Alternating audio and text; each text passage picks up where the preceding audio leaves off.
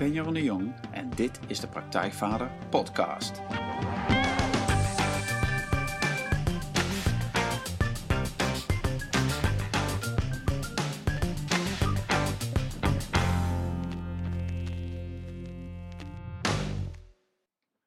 Oké, welkom bij deze aftrap-episode van de Praktijkvader Podcast. En de Praktijkvader Podcast die gaat je vanaf nu elke week ga ik je een inspirerend interview sturen, laten luisteren met een man, met een vader, met een goed verhaal. En dat gaat de komende week zich ontvouwen. En wie er allemaal voorbij komen, dat zul je allemaal vanzelf zien. Maar ik beloof je dat het uh, toppers worden. Inspirerende mannen met goede verhalen. Meestal zijn ze zelf ook vader. En ik sluit ook niet uit dat in de toekomst dat, er, uh, dat ik een keer een vrouw ga interviewen. Dat maakt allemaal niet uit. Maar het zijn inspirerende mensen die je vooruit gaan helpen in jouw vaderschap. En eigenlijk zijn het allemaal mensen die ik graag wil spreken. Waar ik iets van wil leren, waar ik iets van wil weten. Van hoe pakken zij het aan? Wat gaan ze doen? Uh, hoe gaan ze om met hun kinderen? Hoe doen ze het uh, met hun partner? Hoe doen ze het in hun werk? Hoe combineren ze alles? Waar worden ze warm van? En wat voor tips en trucs passen zij toe om eigenlijk um, ja, te slagen, uh, succes te hebben, uh, het goed voor elkaar te hebben, het goed te hebben met zichzelf en hun gezin. En nou ja, daar probeer ik achter te komen. Natuurlijk om daar zelf van te leren, maar ook om jou daar um, ja, te inspireren, dingen uit te halen, zodat jij ook de volgende stap kunt maken in jouw vaderschap. Nou, en waarom een podcast? Een podcast is voor mij het ideale middel, de ideale manier om op een soort moeiteloze manier uh, dingen te leren. Want uh, een podcast, nou ja, je zit hem nu te luisteren uh, of je bent ergens onderweg. Um, je luistert terwijl je eigenlijk iets anders aan het doen bent. En dat kan zijn dat je in de auto zit, kan zijn dat je in de trein zit onderweg naar je werk. Misschien ben je aan het hardlopen, misschien ben je een klusje aan het doen. Um, in huis, allemaal die dingen, dat je iets aan het doen bent. Um, het, waar je iets bij zou kunnen luisteren. En meestal zet je dan natuurlijk muziek aan. Uh, maar in dit geval kun je naar de podcast luisteren. En krijg je dus gewoon echt, um, ja, in de meeste gevallen van de interviews, gewoon een uur lang uh, keiharde inspiratie gewoon op je oren. En word je aan het denken gezet, word je geprikkeld, word je uitgedaagd, word je enthousiast gemaakt. En terwijl je eigenlijk, ja, die tijd, die ben je toch kwijt met iets anders. Dus, nou ja, een moeiteloze manier om je reistijd, je hardlooptijd, wat dan ook, uh, te veraangenamen en iets nieuws te leren of iets nieuws achter te komen. Dat is een podcast. En um, wat ik deze aflevering, deze aftrap-aflevering van de podcast ga doen, is eigenlijk een aantal vragen beantwoorden van jullie, die jullie mij gesteld hebben. Um, want um, de podcast zal bijna altijd een interviewpodcast zijn, dus ik ga iemand interviewen. Maar uh, als aftrap um, heb ik gevraagd of jullie mij een aantal vragen wilden stellen. Uh, zodat jullie mij wat beter leren kennen. Zodat ik mijn praktijkvaderverhaal een keer kan vertellen. Um, zodat je ook een kader hebt. Hè, van de soort, het begin van oké, wat is de basis? Waarom doen we deze interviews? Uh, waarom luister ik hiernaar? Wat kan ik hiermee? En wie is die man die iedere keer die interviews doet? Nou ja, dat ben ik dus. Jeroen de Jong. En voordat ik uh, daar wat meer de diepte in ga, wil ik je eerst nog even uitleggen, heel kort, en ik zal het ook op de website zetten, is hoe het werkt met het afluisteren van podcasts. Je kunt uh, de podcast luisteren op allerlei manieren, via je telefoon, of je nou een iPhone hebt of een uh, Android-telefoon, Windows-telefoon, dat kan allemaal. Je kunt het via je laptop luisteren, gewoon vanaf de website. Um, maar het coole dus is van een podcast en je hebt een app podcast op je, uh, op je telefoon zitten of iets wat daarop lijkt, is dat iedere week komt er een aflevering. En als je abonneert, en dat kost helemaal niks, maar als je abonneert op de podcast, op de Praktijkvader podcast, staat die aflevering klaar op het moment dat die uh, verschijnt.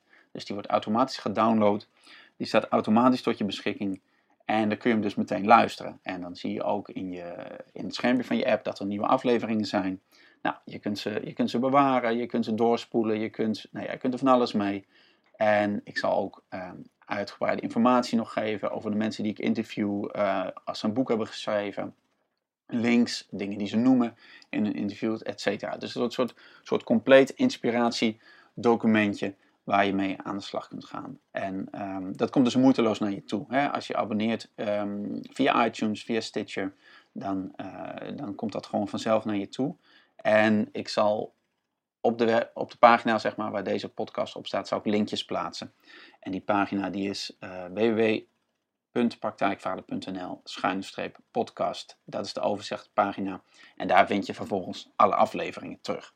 Oké, en ehm, als je het ook nog wilt, kun je gewoon abonneren um, op, de, op de podcast uh, nieuwsbrief, zeg maar. En dan krijg je gewoon in je mail, iedere keer als er een nieuwe aflevering is, krijg je, eentje, uh, krijg je daar bericht van. En dan kun je hem gewoon luisteren waar je wilt. Nou, ik heb nu verteld wat een podcast is. En ik zal je ook vertellen waarom ik met deze podcast uh, ga beginnen. En dat is omdat ik merk in, uh, in eigenlijk gewoon in alle gesprekken die ik voer met mannen, gewoon vrienden, maar ook in de training of in de coaching, merk ik dat er maar zo weinig goede, inspirerende verhalen worden doorverteld. Mannen praten maar weinig over hun vaderschap, praten maar weinig over waar ze trots op zijn in hun kinderen of, en praten ook maar weinig over waar ze tegenaan lopen. En de gesprekken en ik zeg dat vaker, de gesprekken op het werk, hè, die gaan vaak niet verder dan, uh, nou, goedemorgen bij de koffieautomaat. En dan is het zo van, uh, als je een vraag hebt, wat voor autostoeltje moet ik kopen, dan durf je die nog wel te stellen. Maar op het moment dat er iets anders is, iets waar je echt heel trots op bent, of iets waar je ontzettend tegenaan loopt, uh, dat deel je wat minder snel. En dat is jammer, want juist in dat, dat delen van die verhalen, hè, dingen die goed gaan, of dingen die minder goed gaan, um, laat je zelf zien um, kun je iets delen en kom je er ook achter um, dat die andere mannen, die andere vaders, die hebben dat ook. Die hebben ook dingen waar ze trots op zijn. Die hebben dingen waar ze tegenaan lopen die ze niet voor elkaar krijgen. En wat je dus merkt, en dat is een van de dingen die ik in de trainingen heel vaak merk, is dat mannen denken van, oh, maar ik dacht altijd dat ik de enige was die hiermee liep. Of dat ik de enige was die er anders over dacht. Of ik was de enige. En dan blijkt hè, dat uh, iedereen op zijn eigen manier uh, dat vaderschap wil invullen, daarin zoekt uh, en echt zoekende is soms ook en het soms ook niet weet. En dat het heel fijn is als je daar dat gesprek over aangaat. Nou, dat wil ik ook met de, met de podcast hier gaan doen, om het gesprek over het vaderschap gewoon te maken. En dus mannen te gaan interviewen die, um, die daar een idee bij hebben, die daar een bepaalde manier mee omgaan. En hoe ze dat doen, daar wil ik achter komen. Dus dat, uh, dat ga je de komende tijd van mij uh, te horen krijgen. En dan um, een tipje van de sluier op te lichten. Je hebt echt uh, al een paar goede mannen geïnterviewd. Interessante mannen met een goed verhaal. waaronder zeker een paar toppers. Zoals um, schrijver Tom van der Kroon, die al heel lang bezig is met thema's als vaderschap en volwassen mannelijkheid. En dat boek De Terugkeer van de Koning heeft geschreven. Die zal binnenkort voorbij komen. Maar ook uh, Nederlandse, maar internationaal beroemde kunstenaar Florentijn Hofman. Beroemd van de grote rubber eenden. En die die vooral in Azië en China uh, laat drijven in de havens, 20 meter hoog. En is ook vader van vier kinderen. En nou ja, hoe doet hij dat met zijn, met zijn werk, zijn kunstenaarschap? En zo hebben we nog veel meer mensen. Ondernemers, um, maar eh, schrijvers. Ik Jeroen Schaapveld, dat zal de eerste zijn die, uh, die het van me te horen krijgt. Is een man die drie keer met zijn gezin echt lange tijd, dus zes, acht, twaalf maanden, op reis is geweest in Azië. Nou, hoe doe je dat? Wat kom je daar tegen? Dus dat soort mensen kun je van mij verwachten. En als je een keer zoiets hebt van, hé, hey, dat is een gaaf iemand, die zou wel eens door Jeroen geïnterviewd kunnen worden, laat het weten. Uh, in, in, een berichtje, in een mail, uh, via Facebook of hier in een reactie onder de podcast. Um, dan ga ik ermee aan de slag. Dus dat is wat je de komende tijd van mij kunt verwachten. En als aftrap dus um, een aantal vragen over mij die jullie gesteld hebben. En dat vind ik wel heel leuk. En de eerste vraag die hier op mijn briefje staat, bedankt voor jullie voor jullie inzendingen allemaal. Echt super. Er zaten echt super leuke vragen bij. Echt ook te veel, veel te veel om te beantwoorden nu. Maar ik heb een aantal uitgepikt. En de eerste vraag is uh, een vraag die ik zelf altijd graag aan mijn uh, gasten stel. dan leg ik even uit wie ze zijn, waar ze vandaan komen. En dan stel ik vaak de vraag van, ja, maar hoe zou je jezelf nu omschrijven? En dat vind ik een, vind ik een mooie vraag. En als ik hem aan mezelf stel, dan denk ik van, nou, ik ben, uh, ik ben een man, ik ben 41 jaar, ik heb drie kinderen, ik ben getrouwd met Wendy. En als ik mijzelf zou omschrijven, zou ik zeggen dat ik ontzettend gedreven ben om het beste in mezelf en anderen naar boven te halen. Dat is wel een van mijn drijfveren, ehm, denk ik.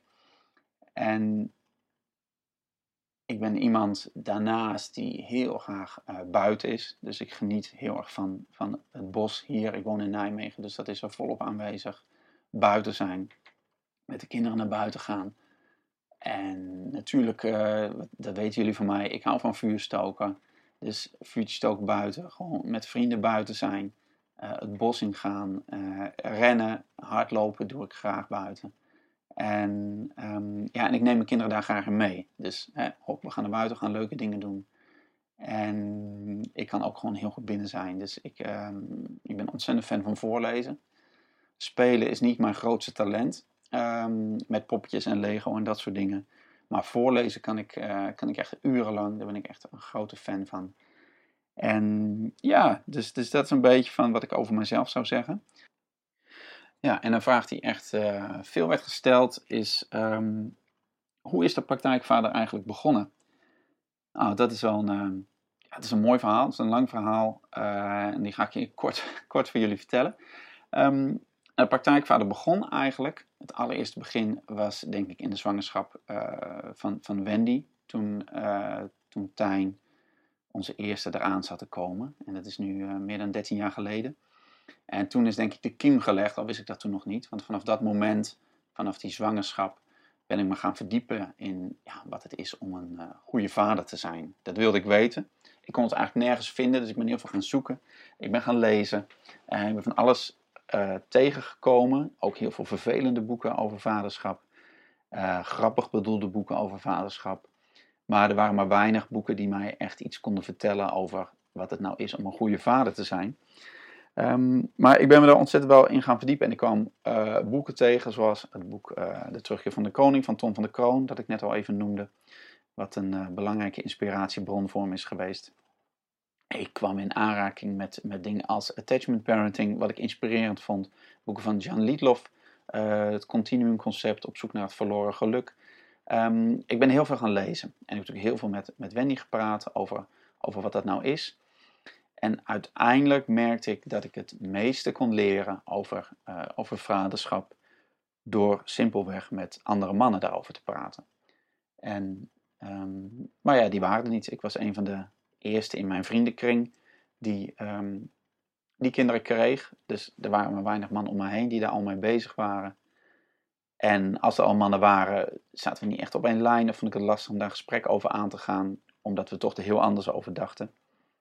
En wat ik uiteindelijk ben gaan doen, ik, uh, ik ben, uh, nou ja, letterlijk, in, ik ben in een mannengroep gegaan. Dus uh, een groep met andere mannen, uh, met, met begeleiding, zeg maar. Om eigenlijk voor mezelf uit te zoeken van, ja, maar wat is dat nou? Man zijn. Wanneer ben je nog jonger? Wanneer word je man? Wanneer ben je een volwassen man? Wanneer komt dat vaderschap erbij kijken? En nou ja, dat is in gang gezet, zo rond, rondom de zwangerschap en de geboorte van Tijn. En dat is nooit meer opgehouden, die zoektocht. Dus ik ben blijven zoeken, ik ben blijven leren. Um, en natuurlijk, hè, toen ik kinderen kreeg uh, in de praktijk, dingen achterkomen. Wat werkt wel, wat werkt niet. Uh, mijn eigen keuzes gemaakt. En daar steeds meer uh, mezelf mee kunnen verbinden met andere mannen. Dat was wel heel fijn. Op een gegeven moment, Wendy had vriendinnen. Um, die ook hè, met kinderen bezig waren, die ook over sommige dingen wat anders dachten. Nou ja, die vriendin had natuurlijk weer mannen. En toen op een gegeven moment uh, zochten we elkaar ook op. En um, ja, daar is wel een hoop in gebeurd. Um, ik heb echt veel geleerd, veel ervaren, veel plezier gehad van in het echt delen met andere mannen van ja, dingen als van, van hele eenvoudige dingen waar je het anders niet over hebt. Van dat je merkt van, jeetje, ik verlies nu weer mijn geduld. Ik sta nu weer te schreeuwen tegen mijn kinderen. En hoe doe jij dat dan? En zonder dat je daarvoor veroordeeld wordt. Um, dat je gewoon kunt zeggen en dat je het soms ook niet weet. Maar ook gewoon het plezier wat je kunt delen met elkaar. Die zeggen, oh, ik geniet zo van hem. Uh, dat, uh, dat mijn zoon nu al dit en dit kan. Of dat hij uh, ontzettend blij is dat hij nu um, op dansles zit. Van, nou ja, dat soort dingen. Of dat hij nu voor het eerst naar judo gaat. En dat, dus die dingen, dat delen, dat, ehm, dat, dat vond ik allemaal te gek. En dat alles bij elkaar heeft ertoe geleid dat ik dat vaderschap, daar bleef ik mee bezig. Daar bleef ik in, in zoeken en leren. En tegelijkertijd werkte ik al op mijn, ehm, op mijn toenmalige, bij mijn toenmalige werkgever. Werkte ik uh, de laatste jaren als leidinggevende. Ik coachte mijn teamleden. En dat vond ik te gek om te doen. Dus ik merkte dat, ik um, dat het me goed afging. En daar kreeg ik ook uh, goede waardering voor. Uh, mensen vonden het fijn. Ik kon een veilige setting creëren. Ik kon mensen uitdagen om te groeien, om het beste uit zichzelf te halen. En op een gegeven moment dacht ik ja, nou als ik die twee dingen nou met elkaar combineer, dus mijn fascinatie en mijn passie voor het vaderschap en mijn, mijn uh, kunde, mijn vakmanschap, mijn talent voor het coachen en inspireren van mensen, ja, dan heb ik volgens mij een super combinatie. En dat ben ik gaan doen. Dat is de praktijkvader geworden. En dat doe ik nu al een paar jaar. En de afgelopen anderhalf jaar um, is het echt mijn werk. Dus ben ik dit fulltime aan het doen. Geef ik trainingen, doe ik coaching, uh, schrijf ik blogs, doe ik, geef ik lezingen. Alles wat met vaderschap te maken heeft. En deze podcast zit er nu bij als, als een nieuwe lood aan de stam.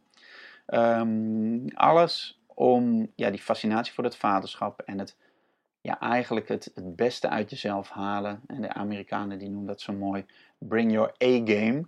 Kijk, het vaderschap is voor mij een, grote, belangrijke, verantwoordelijke klus. En dat, uh, nou, dat zullen jullie allemaal met me eens zijn. Dat is een belangrijke klus en die wil je niet verprutsen. En tegelijkertijd weet je ook niet zo goed hoe je dat allemaal moet aanpakken. Maar wat ik daarin, uh, wat mijn drijfveer is, is om, om mezelf en ook nou ja, de mannen om me heen en de mannen die ik bereik via de praktijkvader, om die echt te kijken van hé, hey, maar waar zitten nou jouw grote uh, talenten? Uh, wat gaat jou makkelijk af? En hoe kun je die dingen inzetten in je vaderschap? En hoe voorkom je dat het een hele zware klus wordt, waarin altijd tijd tekort is, um, waarin je altijd achter de feiten aanloopt, waar je geen regie hebt? Nou ja, dat is eigenlijk wat ik met de praktijkvader uh, doe, wil doen. Uh, ik zeg altijd meer plezier en minder stress in het vaderschap. Ja, dat is wel de essentie. Maar dat vraagt dus van jou als vader en van mij ook van dat je de regie pakt over je eigen leven. Dus wat vind jij belangrijk en hoe ga je dat in de praktijk zetten? En dan vraagt Wiljo, um, die vraagt van, uh, vind jij dat jouw vader het anders had moeten doen? En wat vindt je vader er eigenlijk van dat je dit werk doet? Ja, dat is een, dat is een mooie vraag. Um, een belangrijke vraag ook. Want het is ook wel, uh, mijn vader heeft er ook veel mee te maken gehad dat ik met de praktijkvader ben begonnen. En, of eigenlijk heeft mijn vader er veel mee te maken met dat ik heel bewust over het vaderschap na ben gaan denken.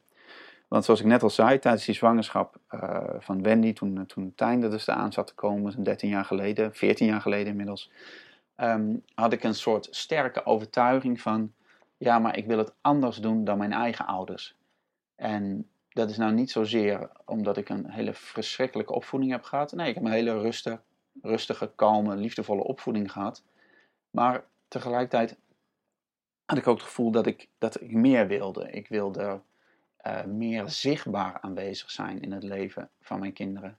En ik wilde meer zichtbaar laten merken dat ik achter ze stond, uh, dat ik ze steunde. En ik merkte ook daarnaast dat ik gewoon andere keuzes wilde maken, uh, praktische keuzes in de opvoeding.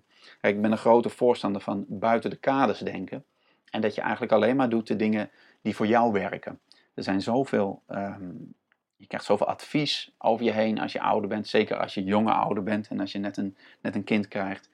Um, en dan krijg je advies van deskundigen, van je familie, van je vrienden.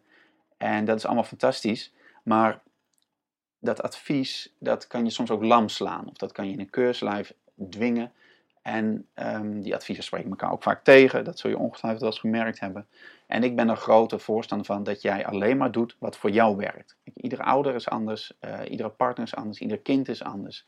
Dus het gaat erom dat jij erachter komt wat voor jou werkt, wat voor jouw gezin werkt en wat voor je kind werkt. Nou, en dat, mm, ja, dat zorgt voor mij dat ik een aantal keuzes maakte. Uh, zoals het samen slapen, uh, waar ik, wat mij ontzettend veel heeft gebracht, wat ik ontzettend fijn vond. Met je kinderen in bed slapen. Ik vond dat een ontzettend makkelijke oplossing voor het probleem van gebroken nachten. En ehm, vaak uit bed gaan. Het is niet voor iedereen, maar het heeft mij ontzettend geholpen. en ook het feit, uit nood, nood geboren, zijn we ook gaan samen slapen eigenlijk. maar het was tegelijkertijd ook wel een bewuste keuze, want we hadden maar één slaapkamer toen Tijn geboren werd. Maar ook later, toen we wel meerdere slaapkamers hadden, hè, zijn we gewoon blijven samen slapen in één bed. Groot familiebed. En, um, en op een gegeven moment zijn de kinderen er allemaal vanzelf uitgestapt. En nu slaapt iedereen wel op zijn eigen kamer. Um, mijn kinderen zijn nu 13, 10 en 7. Uh, maar zeker in die, die eerste jaren, zeg maar, sliepen we met elkaar op de kamer. En dat was super.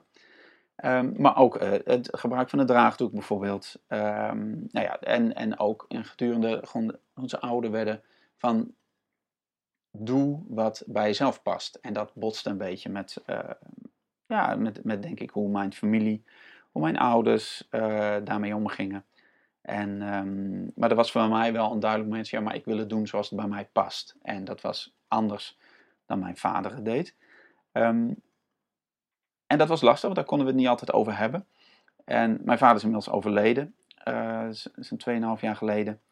En het mooie was, is dat, uh, dat gedurende de jaren uh, konden we elkaar steeds beter vinden.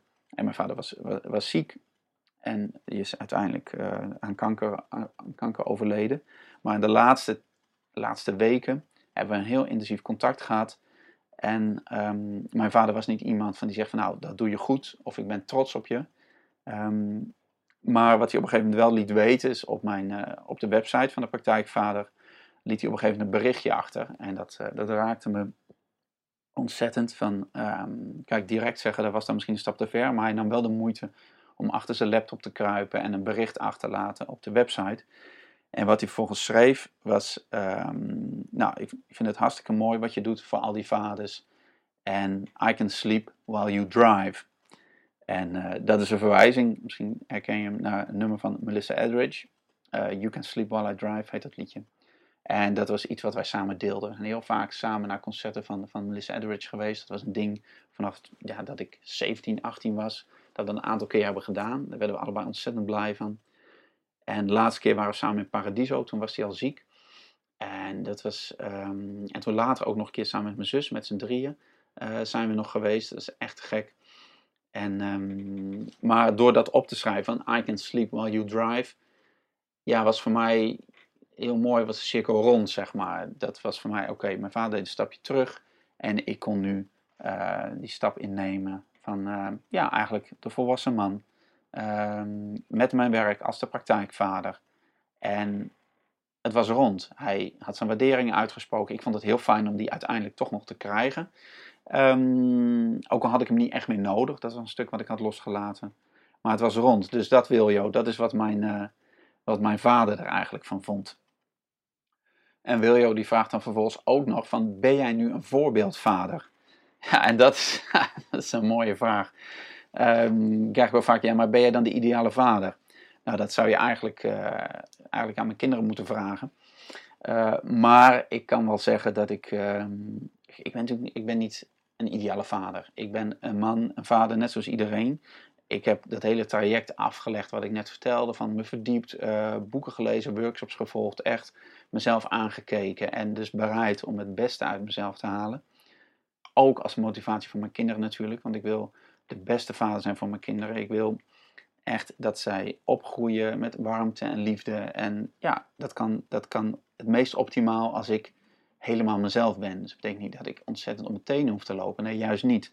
Het vraagt dat ik bij mezelf ben. Dat ik weet wat ik wil, wat ik belangrijk vind. En uh, nou ja, zo'n simpel voorbeeld is wat ik al zei. Dat, dat ik liever een boek voorlees dan dat ik tegen mijn zinnen met Duplo-poppetjes ga spelen. Dat is maar een klein voorbeeld.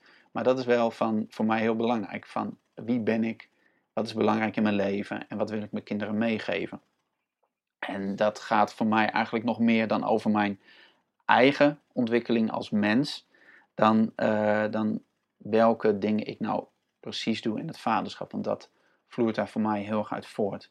Het feit dat ik um, voor mezelf ben begonnen door de praktijkvader te beginnen en uit die baan in loondienst te stappen, is voor mij een hele belangrijke stap geweest. En die is ook ingegeven. Ik wilde meer vrijheid, ik wilde mijn eigen tijd meer indelen, ik wilde zelf bepalen wanneer ik thuis was en wanneer niet. Ehm, en tegelijkertijd is het ook een hele belangrijke motivatie om mee te geven aan mijn kinderen. Want ik wil mijn kinderen ook meegeven dat er meer opties zijn dan alleen maar werken in tot je pensioen. Want dat was het beeld waarmee ik ben opgegroeid. En dus ik wil ze de opties laten zien van er zijn verschillende dingen die je kunt doen en het is allemaal oké, maar je kunt kiezen. Maar als ik dat wil laten zien, dan moet ik dat ook voorleven. Want dat is een belangrijk thema voor mij, het voorleven. Als ik wil dat mijn kinderen iets voelen, merken, meekrijgen, ja, dan zal ik het toch zelf moeten laten zien. Want ik ben het voorbeeld.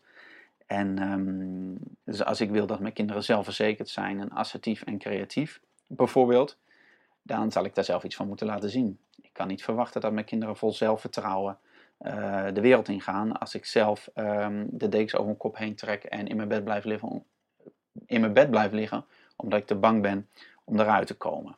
Dus hè, dat is dat, dat, dat voorleven en dat gaat met vallen en opstaan. En dat is iedere keer kom ik daar in een andere fase tegen, of een ander moment tegen. En Wiljo, ja, het is een mooie vraag. Um, ik ben niet misschien de ideale vader, maar ik heb wel een soort, zelf een soort plaatje van hoe die ideale vader eruit zou moeten zien. En daar streef ik naar. En um, uh, ja, dat, dat ideaalbeeld is voor mij, uh, of in ieder geval voor een deel wordt dat vormgegeven door uh, de vader in het boek Daantje, de wereldkampioen van Roald Dahl, waar ik mijn e-book op heb geïnspireerd.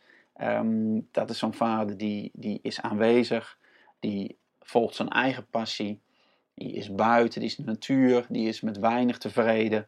En dat is wel zo'n beeld wat ik soort nastreef. En, um, dus ik wil er zijn, ik wil aanwezig zijn en tegelijkertijd uh, helemaal mijn eigen koers volgen. Um, en een heel simpel voorbeeld van wat ik, wat ik ben gaan doen de afgelopen tijd. Eigenlijk de afgelopen twee weken, dat is nog heel, heel recent. Ik merkte dat ik, uh, ik werk veel thuis. Los van de trainingen en de coachingen die ik dan doe. Maar ik, ik ben veel thuis. En ik merkte dat ik uh, op het moment dat de kinderen uit school kwamen, dus, dus vanaf drie uur, uh, dat ik nog heel erg bezet was met het werk. En soms probeerde ik dan tussendoor nog iets te doen, even achter de laptop te zitten, even een mailtje beantwoorden. En dat was ontzettend frustrerend. Toen was ik net iets, met iets bezig. En dan kwam een van de kinderen met een vraag of ik wilde helpen met huiswerk of, of iets anders. Of, nou ja. En daar werd ik ontzettend chagrijnig van. En toen heb ik eigenlijk uitgesproken uh, tegen Mark Verhees, een goede vriend van mij. Uh, Mark is van Vier Positiviteit. Um, en die komt ook een keer voorbij in de interviewserie. En ik sprak uit tegen hem, maar eigenlijk wil ik gewoon dat um, als de kinderen uit school zijn, dat ik niet met mijn werk bezig ben. En dat betekent concreet voor mij dat mijn werkdagen overdag dus matchen met de schooltijden van de kinderen. En dat betekent dat mijn werkdagen dus van 9 tot 3 zijn en niet, van, hè, niet langer. Dus dat is wel een ding voor mij. Oké, ik wil dus aanwezig zijn in het leven van mijn kinderen, maar dat heeft ook consequenties. Daar moet ik ook naar handelen. Dus dat betekent dat ik mijn werktijd terugschroef en dat ik al het werk wat ik moet doen, dat doe ik in die uren. En het mooie is dat dat kan, dat werkt voor mij. En dat me ontzettend veel vrijheid geeft. Dus echt, ik ben, het is echt een van de beste beslissingen die ik de afgelopen tijd heb gemaakt. Ik ben echt om drie uur, laat ik alles los. Ik ben er helemaal voor de kinderen. En dat betekent niet dat ze mij de hele tijd nodig hebben, maar ik ben beschikbaar. Dus als er iemand komt, Noek is nu met een werkstuk bezig. Oké, dan kan ik hem helpen met zijn werkstuk. Hebben ze mij niet nodig, dan, uh, dan doe ik iets anders. Ik kan een boek gaan lezen. Maar ik ben in ieder geval niet in mijn werk uh, waarvan ik het lastig vind om er weer uitgehaald te worden. Dus dat is zo'n voorbeeld van, oké, zo'n vader wil ik zijn. En dat ga ik dus ook dan ja, in de praktijk brengen. Ja, en dan is er Erik die vraagt: um, welke karaktertrekken herken je van jezelf in je kinderen? Ja, dat is. Um, dat vind ik een mooie vraag. En ik herken wel veel um, van mezelf in mijn kinderen. Maar wat ik, wat ik nog mooier vind eigenlijk, is dat de kinderen, die zijn natuurlijk spiegels, die laten zien, die laten mijn goede kant en mijn slechte kanten zien in mezelf. Maar mijn kinderen stimuleren me, merk ik heel erg, of die inspireren me, moet ik misschien wel zeggen, om een soort verborgen uh, ja, karaktertrekken, een soort verborgen eigenschappen naar boven te halen. En daarvan te genieten. En ik heb dat het sterkste misschien wel met, uh, met Noek, mijn middelste. Die is ontzettend energiek. En die heeft ontzettend veel humor en die heeft veel die behoefte aan, aan, aan lijfelijkheid, aan voetballen, aan stoeien, maar ook grappen maken. En, ehm, en ik merk dat ik daar, er was een tijdje dat dat, dat heel heftig was en dat ik daar heel veel moeite mee had, omdat ik, wilde rust en ik wilde het niet. En ik wilde dat hij gewoon rustig deed, dat, ik, dat hij niet bovenop me zat de hele tijd. Maar hoe meer ik dat wilde, hoe meer hij bovenop me kwam zitten. En op een gegeven moment ben ik dat gaan omdraaien. Ik dacht van ja, maar eigenlijk wat hij nu laat zien is een stuk van mezelf waar ik even niet bij kan. Dus al die energie, al die humor, al dat plezier. Ik ja, maar dat zit ook in mij. En als ik daar nou naar op zoek ga, dan kan ik hem daarin ontmoeten en dan kunnen we samen lol hebben. Ja, en dat was een heel mooi voorbeeld van, van hoe we iets hebben kunnen omdraaien. Van eigenlijk een soort frustratiemoment van hij wilde wel en ik niet. Dan dacht ik, oké, maar ik kom ook, want ik heb ook die humor, ik heb ook die energie, ik hou ook van stoeien, ik hou ook van, nou ja, van, van dingen doen. En ja, dat is, dat een jaar of twee geleden of zo, maar dat is echt zo'n omslagmoment geweest. Dat we elkaar in één keer veel beter snappen, dat we veel meer lol hebben. En dat ik dat ook gewoon zeg van, ja, maar Noek, dat is echt, dat, dat, daar ben ik blij mee, dat je dat in mij stimuleert, dat, dat je dat in me naar boven haalt. En nou ja, hij is tien, dus hij snapt dat ook. En uh, daar lachen we dan samen om. En vervolgens gaan we lekker een potje stoeien. Nou, en, um, andere, uh, wat ik ook wel, dat is een beetje de andere kant ervan. Met mijn oudste Tijn, die is, uh, heb ik heel lang gedacht van, ja, maar die is hetzelfde als ik. Toen ik kind was. En dat was ook een beetje een valkuil, want op een gegeven moment ga ik dingen, van hoe ik zelf dingen als kind ervaarde, ga ik op hem projecteren. Dus zo ze, oh ja, maar hij zal dit wel um, niet leuk vinden. Of hij zal zich nu wel alleen voelen als hij in zijn kamer zit te spelen. Terwijl er helemaal niks aan de hand. Maar dat was mijn projectie uh, daarvan, zeg maar. Dus dat is ook een beetje tricky om dat in de gaten te houden. Um, wat van jou is en wat van je kind. En um, dus op een gegeven moment, hè, de, Wendy zei dat op een gegeven moment tegen me, van ja, maar Tijn is niet jij. En dat weet ik natuurlijk wel, maar dat hielp mij op dat moment heel erg om, oké, mijn eigen stukken bij mezelf te houden. En vervolgens er gewoon gaan kijken van, oké, maar kijken wat er echt met hem aan de hand is, wat er echt bij hem speelt. En uh, Jan Geurts zegt dat ook heel mooi in zijn boek Het einde van de opvoeding. Opvoeden, dat, dat begint met kijken. Een soort kijken, um, oordeelloos, verhaalloos, eigenlijk gewoon puur observeren zoals een, um, een bioloog naar, weet ik veel, naar een groep chimpansees kijkt. Van kijk, van zonder iets in te vullen, wat gebeurt er nou? En ik denk dat het probleem is van ons dat we vaak van alles invullen op basis van onze eigen emoties, uh, waar we zelf in geraakt worden of onze eigen verhalen. Dat we dingen invullen die eigenlijk misschien niet eens aan de hand zijn. Ja, en om dan uh, ook Roos, onze jongste, er nog even bij te pakken. Um, wat, en ook weer Erikse vraag terug te pakken van welke karaktertrekken herken je van jezelf en je kinderen. Nou, wat Roos, en dan draai ik hem weer om, wat Roos in mij naar boven haalt, is, is zo'n ja, soort, soort liefde voor het leven. Um, die zij ook echt heeft wakker gemaakt in mij, maar ik denk ook eigenlijk in heel het gezin. Een soort lichtheid. Uh, ik zeg wat, ja, Roos is ons zonnetje. Uh, een soort plezier. En dat is echt wel iets wat zij met zich heeft meegebracht. Zij werd geboren in 2008. En dat was een prachtige geboorte. Daar waren we gewoon alle vier, stonden we daarbij. Natuurlijk Wendy, maar wij, hè, die, ik en de jongens ook, we waren erbij. En dat heeft wel echt een nieuwe dimensie gegeven aan ons gezinsleven. En uh, ja, sindsdien uh, schijnt de zon ook uh, ja, veel meer eigenlijk. En daarvoor was het natuurlijk ook fijn, maar Roos brengt er echt iets mee wat er daarvoor nog niet was. En ja, dat is te gek. En daar, daar geniet, geniet ik elke dag van. Ja, en dan vraagt Erik ook nog van, wat is je beste eigenschap? Ja, dat, dat is zo'n sollicitatieprocedurevraag. Wat is je beste eigenschap? Um, maar ik denk dat mijn, eigen, mijn beste eigenschap is dat ik, uh, ja, dat ik, ik, ik ga ergens voor. En um, ik ben bereid, steeds meer, om uh, dingen te doen die buiten mijn uh, comfortzone liggen. Omdat ik weet van als ik die dingen doe, daar groei ik het meeste. Daar leer ik het meeste, daar gebeurt het meeste. Um, dan moet ik dingen die ik weet loslaten en dan kan ik ook echt volop nieuwe dingen ontdekken. Dus ik ben erachter gekomen dat ik het eigenlijk heel prettig vind, en steeds prettiger vind, om eigenlijk op die grens te zitten van wat comfortabel is en wat niet comfortabel. En um, daar word ik uitgedaagd. En iets simpels is uh, wat ik van, uh, van Wim Hof heb geleerd, is, is, is koude exposure, dus, dus blootstelling aan kou. Ehm, door de ochtend te beginnen met uh, douchen en dan de laatste twee minuten koud douchen, gebeurt er al heel veel in mij. Dan word ik helemaal wakker. Ik ben er, ik ben aanwezig, ik zit in mijn lijf en ik begin de dag vol energie. Heel anders dan als ik dat niet zou doen. Want dan blijf ik meer comfortabel in het warme douchen en heb ik nog veel meer tijd nodig om, uh, om op gang te komen. Uh, maar ook, uh, je zult merken, als je een training bij mij hebt gevolgd, um, zoek ik ook die grens vaak op van het oncomfortabele en het comfortabele. Ik daag mensen uit om daar naartoe te gaan. En uit het, uh, bijvoorbeeld het, het, het gesprek te komen, van het vertellen wat er aan de hand is, maar ook even te zoeken, ja, maar wat speelt daar nou echt? En ga nog eens een stapje verder. En wat, wat, wat zit daar dan?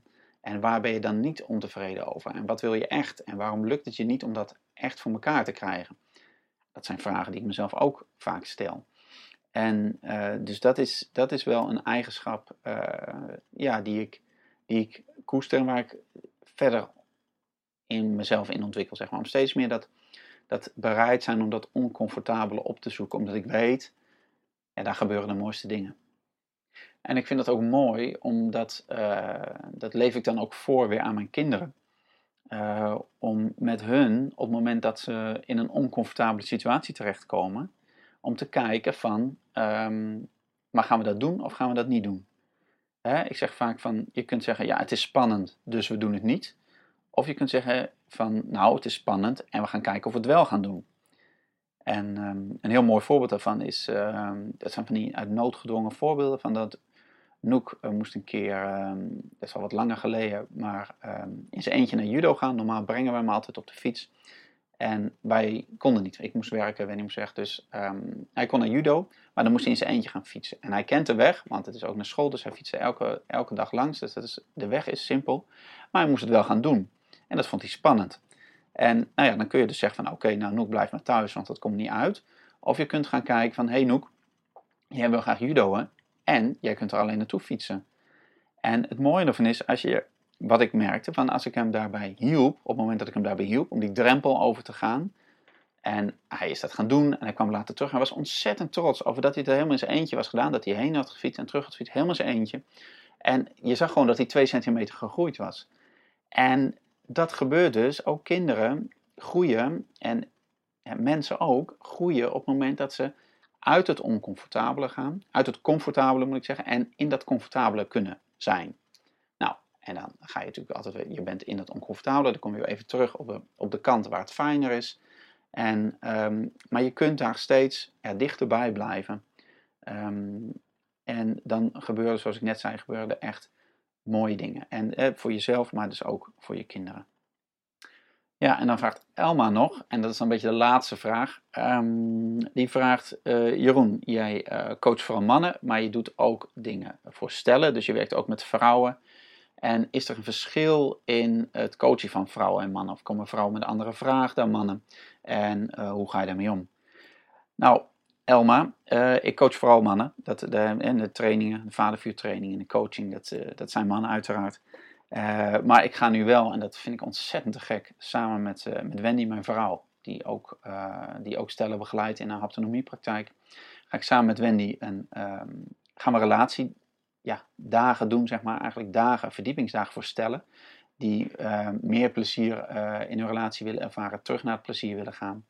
Dus um, daar, daar werken we met stellen, en dat heb ik eerder gedaan. Um, en ja, ik vind het lastig om te zeggen of er nou echt een verschil is.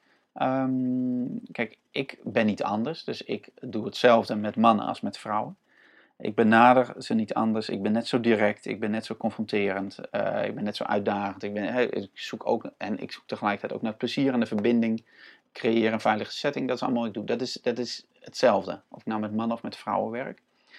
Um, ik merk wel dat, uh, dat een verschil is in de manier waarop vrouwen en mannen komen.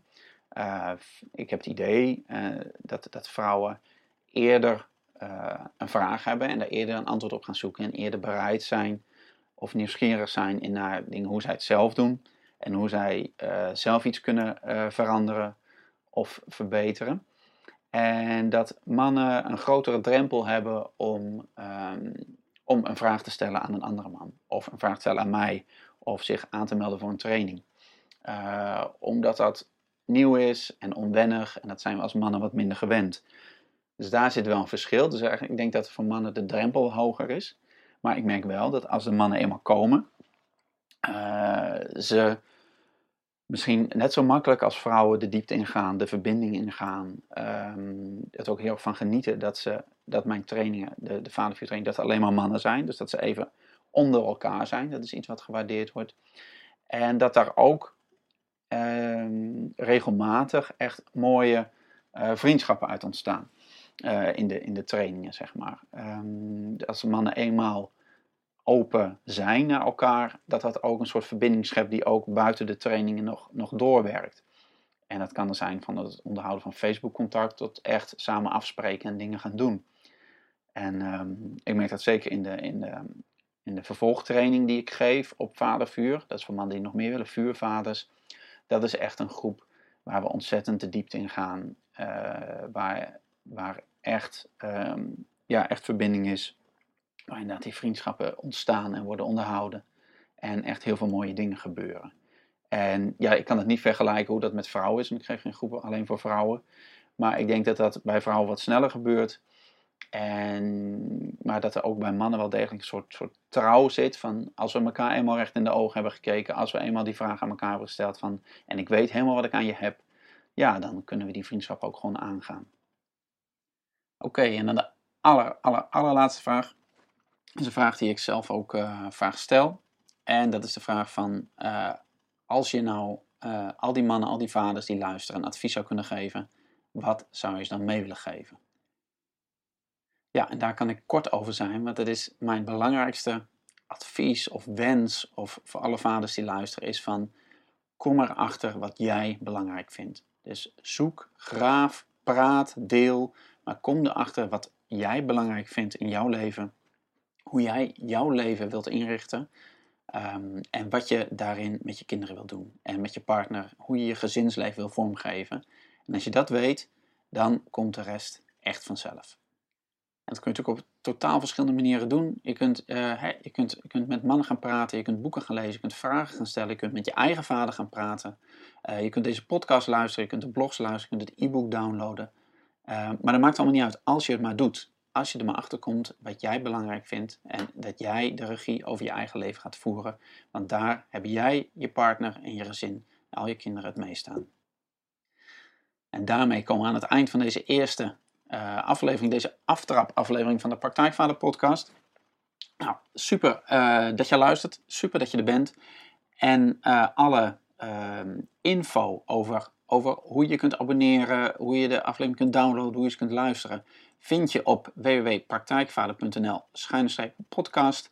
Als je dat allemaal over wilt slaan, dan ga je gelijk naar iTunes of naar Stitcher en je typt Praktijkvader in en dan kom je bij de podcast. Daar kun je op abonneren en dan heb je voortaan iedere week een kerstverse aflevering van de Praktijkvader podcast op je telefoon, op je tablet, op je laptop, op je computer, waar dan ook. En daarmee wens ik je heel veel luisterplezier en ik hoor, ik luister je graag op de volgende aflevering van de Praktijkvader podcast. Groetjes en heb het goed. Doeg!